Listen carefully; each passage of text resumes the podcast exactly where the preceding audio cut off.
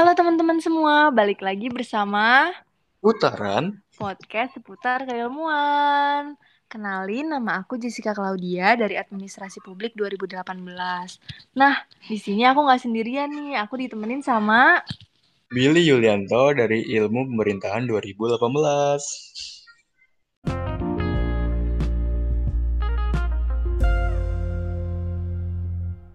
Juga Dan kita kedatangan narasumber nih ya Bill. Ada siapa Bill?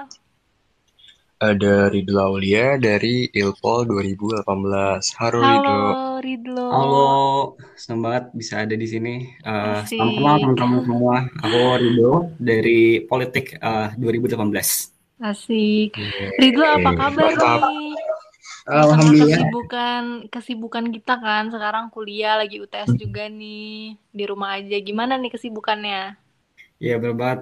Eh, sekarang mungkin sama aja kali sama eh, mahasiswa yang lain ya. Kita di semester Hmm. 5 ini pas Hmm. lagi beda banget nih kesibukannya. Mulai dari kayak akademiknya, lagi UTS juga kan di Iya eh, benar. Unido.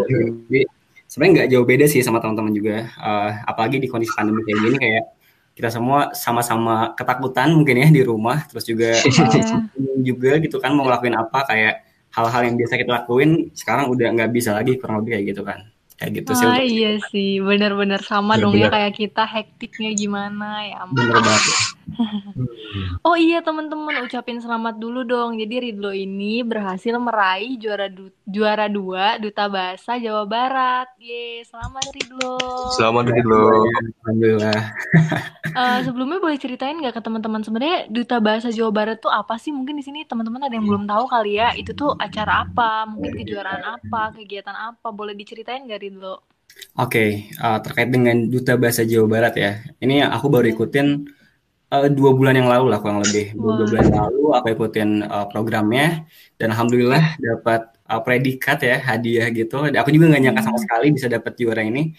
Kemudian eh, duta bahasa sendiri ini ada di bawah naungan Balai Bahasa. Tepatnya Hmm. tepatnya di ikatan eh, keluarga ya ikatan duta bahasa Jawa Barat ikatan alumni duta bahasa Jawa Barat. Ini di bawah eh, Balai Bahasa Jawa Barat. Dan tugas dari duta bahasa sebenarnya sih eh, sebagai ika- ikon ya kalau dalam bahasa Inggris kan icon ya kalau dalam bahasa iya Indonesia benar-benar. ikon dari kebahasaan yang khususnya menyasar ke generasi muda ya dan eh, tentu duta bahasa ini menurut aku penting banget terkait dengan apalagi di kondisi Indonesia yang sangat majemuk kita punya banyak banget eh, Iya. keragaman budaya bahasa dan duta bahasa ini hadir sebagai apa ya penjaga ya kurang lebih penjaga kayak bahasa kita kemudian juga bahasa-bahasa daerah dan juga literasi dari bahasa bangsa Indonesia sendiri itu kan. Karena kita tahu kayak literasi kita tuh sangat-sangat buruk gitu kan. Jangankan Wah iya ya kan di dunia gitu loh di Asia aja kita masih termasuk buruk. Dan duta bahasanya sebagai eh, pemanjang tangan lah dari pemerintah untuk bisa membawa literasi yang lebih baik kemudian menjaga kebahasaan dan juga budaya di masyarakat kurang lebih kayak gitu sih Oh, wah keren juga nih teman-teman acaranya ternyata. Oh iya, kenapa sih kamu bisa tertarik gitu untuk mengikuti eh, kontes duta bahasa ini, Ridlo? Apakah karena kemauan sendiri, atau dosen, atau orang-orang terdekat gitu? Gimana? Oke, ini untuk motivasi ya. Kan aku pribadi uh, agak lucu sih masalah uh, kenapa aku bisa akhirnya buat ikut si duta bahasa ini karena Hmm. uh, aku tahu tentang duta bahasa itu sejak dari SMA dan aku melihat duta iya. keren banget gitu loh kayak ada samirnya gitu kan, ada kayak selempangnya, terus kayak mereka Hmm. followernya banyak gitu kan. Itu kayak menarik banget dan aku tahu sejak SMA. Waktu SMA Wah tuh iya iya. ada namanya duta bahasa pelajar dan aku tuh kayak tertarik buat ikutan tapi ya karena mungkin belum waktunya akhirnya aku nggak ikutan kemudian aku lanjut ke eh, kuliah di Unpad dan beruntung banget aku sekelas sama duta bahasa Jawa Barat juga gitu loh. Jadi Wah. tahu dan juga kayak di remind gitu ah di remind sama temanku ini.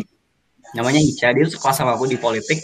Dan dia duta bahasa Jawa Barat tahun 2018 dan kehadirannya Hmm. tentu bikin aku kayak eh, inget lagi lah waktu zaman-zaman SMA aku punya motivasi untuk gabung ke duta bahasa Jawa Barat. Dan eh, karena ada Ica dan juga didorong terus sama Ica buat eh, ikutan duta bahasa Jawa Barat akhirnya aku bisa ikut gitu loh Eh, dengan segala waktu itu kan agak mepet juga ya daftarnya jadi Iya. eh, diminta sama Ica buat daftar ak- akhirnya aku daftar dan dengan segala macam prosesnya yang panjang yang juga eh, cukup melelahkan juga dan akhirnya aku bisa sampai di titik ini gitu loh alhamdulillah Wah, keren Wah. banget ya. Berarti emang udah tahu dari lama, terus tiba-tiba ada pemicunya nih temen satu kelas gitu. Jadi keinget lagi ya. Ah, keren-keren. Uh, terus nih Ridlo uh, boleh berbagi ke teman-teman nggak kan uh, kan uh, uh, namanya tuh kayak duta bahasa gitu. Mungkin teman-teman di sini ada yang mikir kalau mau ikutan emang harus jago bahasa daerah ya kayak harus menguasai hmm. semua bahasa daerah atau gimana? Sebenarnya gimana sih Ridlo gitu? Oke, pertama mungkin Duta Bahasa Jawa Barat ya. Jadi dari Jawa Barat itu sendiri kita ada uh, spesialisasi lah kurang lebih. Jadi kalau ada pikiran harus menguasai bahasa daerah yang banyak banget, kayaknya enggak juga gitu. Hmm. Terus juga uh, walaupun emang di dalamnya ada semacam kayak prasyarat gitu, kita masing-masing harus punya uh, sengganya kemampuan lah sedikit uh, terkait dengan kebahasaan yang ingin kita bawa gitu. Dan di Jawa Barat sendiri ternyata bahasa daerahnya nggak cuma bahasa Sunda teman-teman, ada kayak oh keren, bahasa Cirebon, ada Wah, juga bahasa iya, Betawi, iya. itu masuk ke daerah Jawa oh, Barat. Oh iya benar benar benar banget. Kemarin kita tuh dari sekitar uh, eh, 300 sekian peserta itu tuh masing-masing punya kemampuan bahasa daerah masing-masing gitu loh. Ada yang dari Cirebon, ada yang Sunda, ada yang uh, Betawi juga dan aku sendiri bawa bahasa Sunda.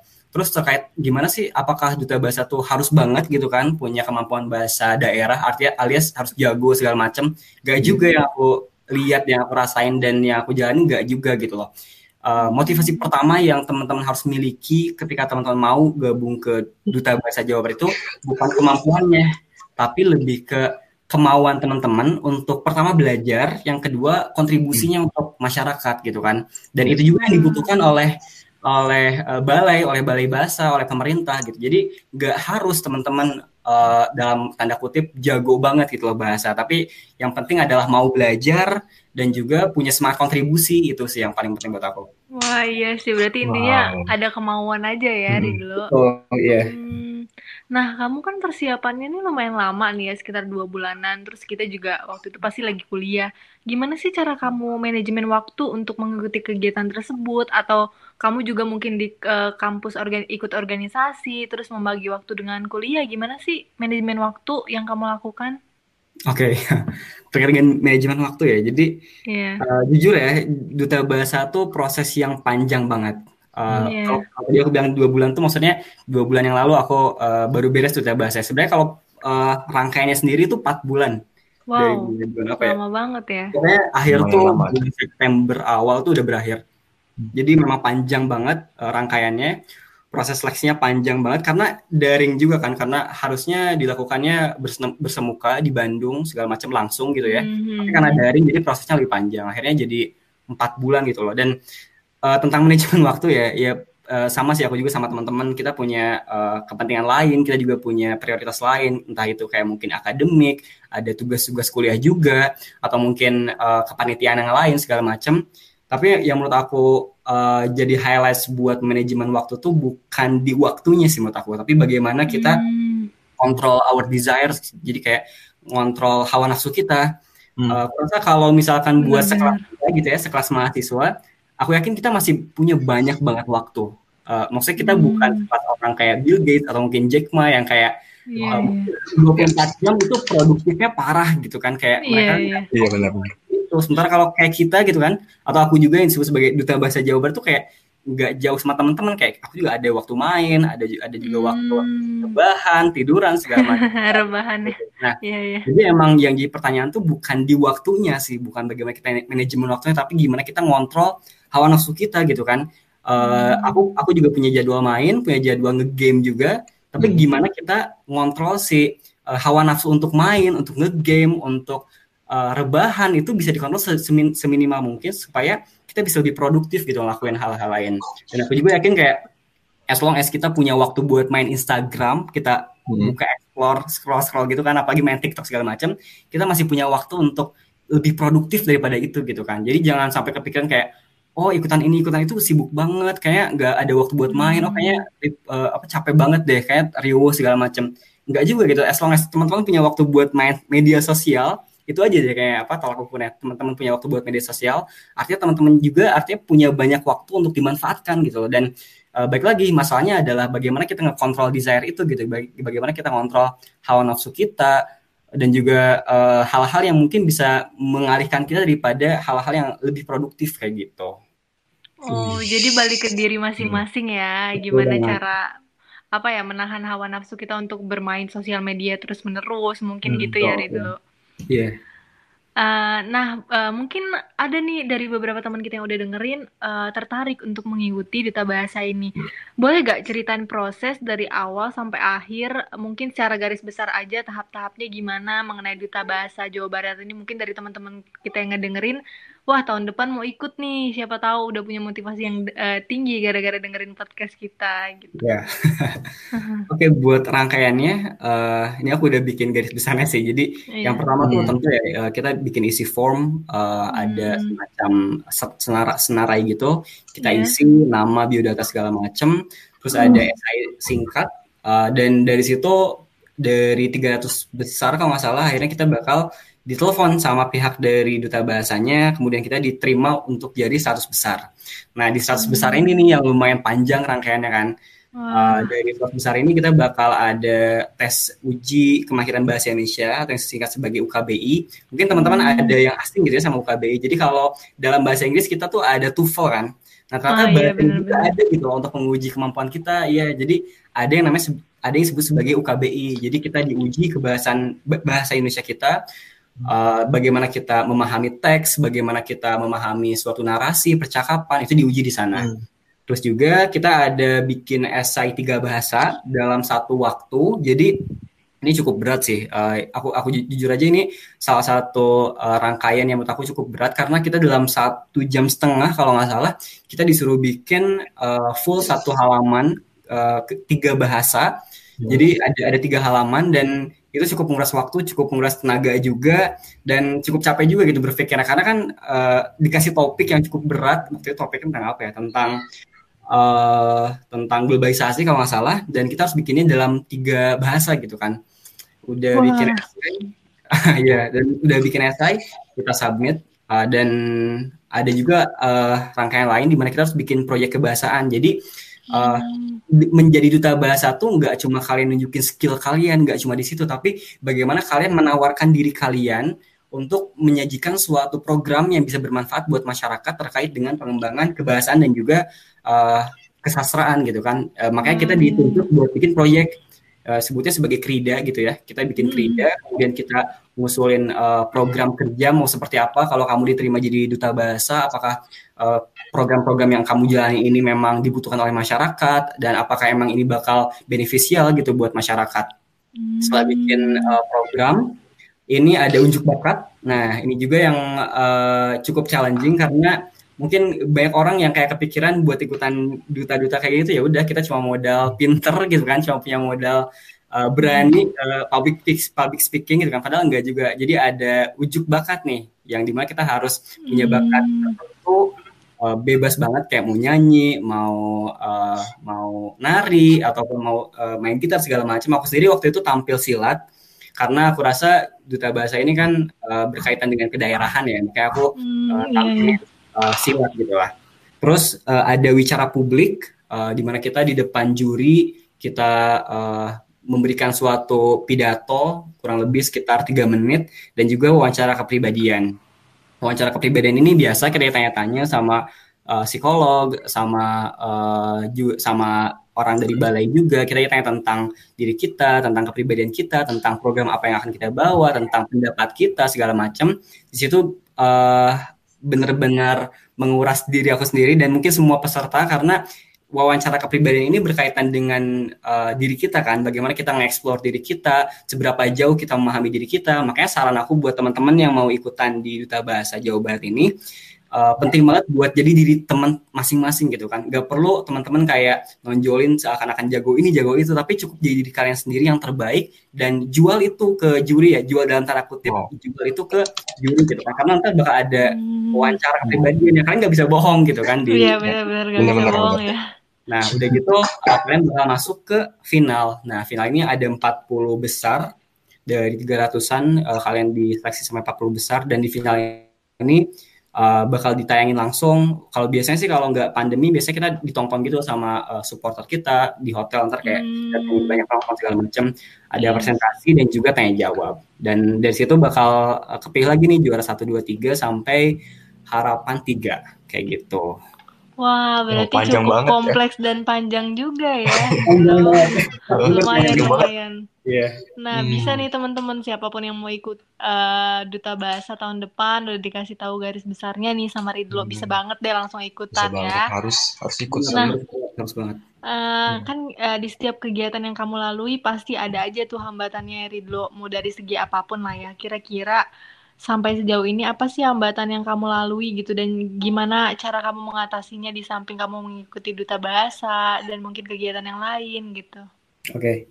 Eh, hambatan aku sendiri buat ikut di ajang ini ya karena ajang ini berbeda banget dari ajang perlombaan lainnya gitu kan. Tadi aku juga Hmm, sempat iya, iya. kalau misalkan ajang perlombaan lain dan aku juga yang sering aku ikuti kayak ya udah kita persiapan sesuatu kemudian kita tampil di depan juri ya kelar gitu kan. Kayak lomba Iya, iya. pidato, lomba apalah eh, karya tulis ilmiah segala macam kan kita Hmm. prosesnya sebelum hari H kemudian kita unjuk di hari H ya udah kelar gitu kan dapat juara segala macam. Tapi kalau di duta bahasa ini karena apa ya sebutnya sebagai ajang pencarian bakat barangkali ya Iya Kita- benar-benar. eh, menjual diri kita gitu kan Eh, bagi apa yang kita punya terus eh, bagaimana kita nge-branding diri kita eh, bagaimana kemampuan kita dan juga bagaimana keseriusan kita untuk bisa berkontribusi di eh, ajang ini. Makanya hambatan yang sering dilalui oleh orang-orang ketika ikut ajang seperti ini termasuk aku juga biasanya adalah rasa takut. Karena kita nggak cuma nyiapin eh, apa yang bakal dilombakan tapi kita juga harus nyiapin apa yang bakal dilakukan ke depannya.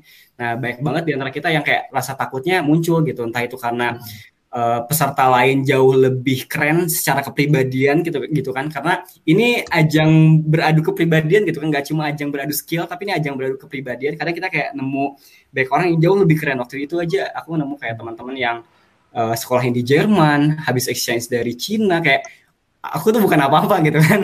Terus mereka tuh punya kemampuannya gokil-gokil, keren-keren.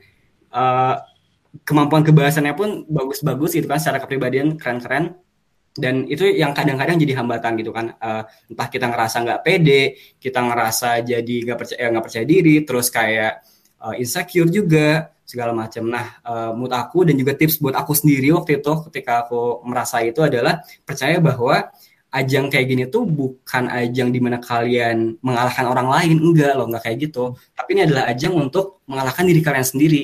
Dan mindset itu yang menurut aku bisa membuat kita jadi seorang pembelajar di mana pun kita berada. Mau kita lomba A lomba B lomba C kalau mindset kita adalah mengalahkan diri kita sendiri maka kita bakal punya motivasi yang besar untuk terus melangkah gitu kan. Tapi kalau kita kayak ngelihat orang lain nggak pede sama orang lain maksudnya ada ada faktor eksternal gitu kan aku rasa bakal terus jadi hambatan kita buat terus berkembang. Sementara kalau kita punya mindset untuk berpikir bahwa ini adalah ajang untuk membuktikan diri saya bahwa saya tuh bisa gitu kan uh, awalnya saya merasa takut saya bisa mengalahkan itu gitu kan. Uh, awalnya saya mungkin malas-malesan atau mungkin uh, malas untuk buka form atau uh, malu ngomong di depan orang ini adalah waktu buat saya uh, momen buat saya untuk bisa ngebuktiin kepada diri saya sendiri bahwa saya tuh bisa. Dan mindset itulah yang menurut aku bagus banget dan harus diterapin untuk semua orang nggak cuma di lomba ini aja tapi di semua lomba dan uh, dari situ kita bakal jauh lebih bisa berkembang gitu kan daripada sekedar untuk mengalahkan orang lain kayak gitu sih. Wah, keren banget sih. Keren banget. Mantap sih. Nah, selanjutnya mau mau nanya-nanya apa lagi nih Bil ke, ke Ridlo? Hmm, buat Rido sih uh, uh, dengan terpilih ya kamu sebagai duta bahasa Jawa Barat yang juara dua nih, apa sih yang kamu ingin lakuin di bidang bahasa khususnya di Jawa Barat maupun di sekitarnya dan juga boleh nih uh, Rido ngasih motivasi buat teman-teman uh, di Kema Visip maupun di luar Kema Visip sendiri. Oke, okay. karena aku di Duta Bahasa Jawa Barat tentu hmm. amanahnya itu uh, datang gitu ya ketika aku uh, masuk ke dalam ikatan uh, alumni Duta Bahasa Jawa Barat di di balai itu sendiri. Dan uh, Duta Bahasa sendiri kita punya banyak banget program dan cukup padat juga dalam setahun. Kayak kita harus uh, sosialisasi ke sini, ke situ. Kita datang ke taman, ke ruang-ruang publik, kita datang ke sekolah segala macam buat ngesosialisasiin terkait dengan kebahasaan dan kesastraan. Jadi uh, formalnya mungkin uh, sebagai duta bahasa Jawa Barat, aku ada program yang harus dituntaskan dan itu udah dicanangkan juga sama teman-teman yang lain. Kita rembuk bersama terkait dengan programnya, apa yang harus dilakukan dan bagaimana kita terus bisa mengembangkan uh, literasi dan juga kebahasaan di daerah Jawa Barat. Yang kedua aku juga alhamdulillah banget aku nih selain duta bahasa Jawa Barat, aku juga kepilih buat jadi perwakilan duta dut, uh, perwakilan Jawa Barat untuk jadi reksa bahasa di tingkat nasional. Jadi wow. aku mau aku nih merangkapkan posisi sebagai duta bahasa Jawa Barat hmm. yang uh, home base-nya ada di Jawa Barat gitu kan. Tapi sosial juga kok hmm. uh, jadi perwakilan Jawa Barat di nasional. Di mana aku juga ada program juga di tingkat nasional yang itu juga cukup uh, banyak dan juga cukup berat buat aku sendiri dan hmm. aku harus menuntaskan program itu. Jadi di satu sisi aku ada program di Duta Bahasa Jawa Barat yang dilakukan bersama teman-teman uh, Duta Bahasa Jawa Barat dan juga sebagai reksa bahasa nasional uh, aku harus uh, ada program juga tingkat nasional yang, yang harus aku tuntaskan. Di samping itu juga karena Duta Bahasa ini enggak cuma sekadar uh, predikat satu tahun, predikat tahunan, tapi ini juga hmm. suatu predikat yang sifatnya kekal di dalam diri kita ketika kita udah masuk ke dalam Duta Bahasa Jawa Barat. Artinya kita itu sebagai duta gitu seumur hidup gitu kan nggak cuma satu tahun nggak yeah. cuma dua tahun yeah, yeah. artinya uh, aku sendiri uh, berusaha untuk menjadi ikon gitu tentang kebahasaan bagaimana kita berbahasa yang baik dan benar terutama di ruang publik hmm. apalagi kan kondisi globalisasi saat ini kita nggak bisa hindari adanya uh, percampuran budaya uh, masuk keluarnya budaya itu menjadi tantangan dan juga bisa jadi kesempatan bagi kita bagaimana uh, kita bisa mempertahankan uh, identitas kita, bagaimana kita bisa mempertahankan budaya yang yang menjadi kekayaan kita dan juga menjadi mem mempromosikan si kebudayaan itu, kebahasaan kita dan juga segala, segala kekayaan yang kita miliki di tingkat internasional. Dan itu yang aku, yang berusaha aku lakuin menjadi ikon kebahasaan mungkin di tingkat sepelenya kayak misalkan menggunakan media sosial dengan bahasa yang baik gitu kan atau mungkin berkomunikasi dan uh, berusaha untuk meluruskan beberapa istilah yang mungkin uh, banyak keliru gitu kan karena baik banget ternyata setelah aku jadi duta bahasa Jawa Barat aku baru belajar gitu aku juga baru belajar bahwa baik banget hal-hal yang keliru gitu terkait dengan kebahasaan hmm. kebiasaan iya, iya, benar. segala macam kayak gitu jadi uh, jadi agen lah kurang lebih jadi agen untuk bisa membawa bahasa dan juga kesastraan tetap berjaya di kita apalagi ini sebagai kekayaan kita yang harus kita jaga bersama-sama kayak gitu. Wah, Wah keren banget keren banget. sih. Aku bener banyak banget oh. dapet insight nih Bill dari si Ridlo. Sama-sama belajar kita juga semuanya. Betul. Nah, teman-teman, hmm? banyak banget nih insight yang kita dapetin dari Ridlo. Tadi juga dari kenapa sih Ridlo bisa tertarik mengikuti duta bahasa? Terus uh, gimana proses. sih proses proses dari duta bahasa dari awal sampai hmm. akhir? Terus tadi juga motivasi-motivasi yang diberikan Ridlo kalau kita sebagai anak muda Indonesia harus lebih peka ya terhadap uh, kebudayaan Indonesia hmm. untuk uh, dapat membawanya ke kancah internasional. Nah, Semoga episode kita kali, kali ini dapat bermanfaat nih buat teman-teman yang mungkin tahun depan uh, bisa mengikuti jejaknya Ridlo menjadi duta bahasa Jawa Barat 2021. Amin, amin, amin, amin. Nah, cukup sekian episode kita kali ini ya teman-teman. Semoga apa pun kita yang bawa, apa pun hal yang kita bawakan hari ini dapat bermanfaat untuk teman-teman semua. Sampai ketemu lagi teman-teman di putaran selanjutnya kalau teman-teman kepo pada itu. Nah, buat teman-teman yang kepo sama putaran episode-episode sebelumnya, bisa kepo ini Spotify kami di uh, podcast Putar Keilmuan. Tentunya teman-teman bisa langsung cari dengan kata kunci podcast keilmuan. Nah, gitu deh teman-teman. Dadah. Makasih teman-teman. Jangan lupa dengerin episode kita yang sebelumnya dan tunggu kita di episode selanjutnya. Dah. Yo, dadah.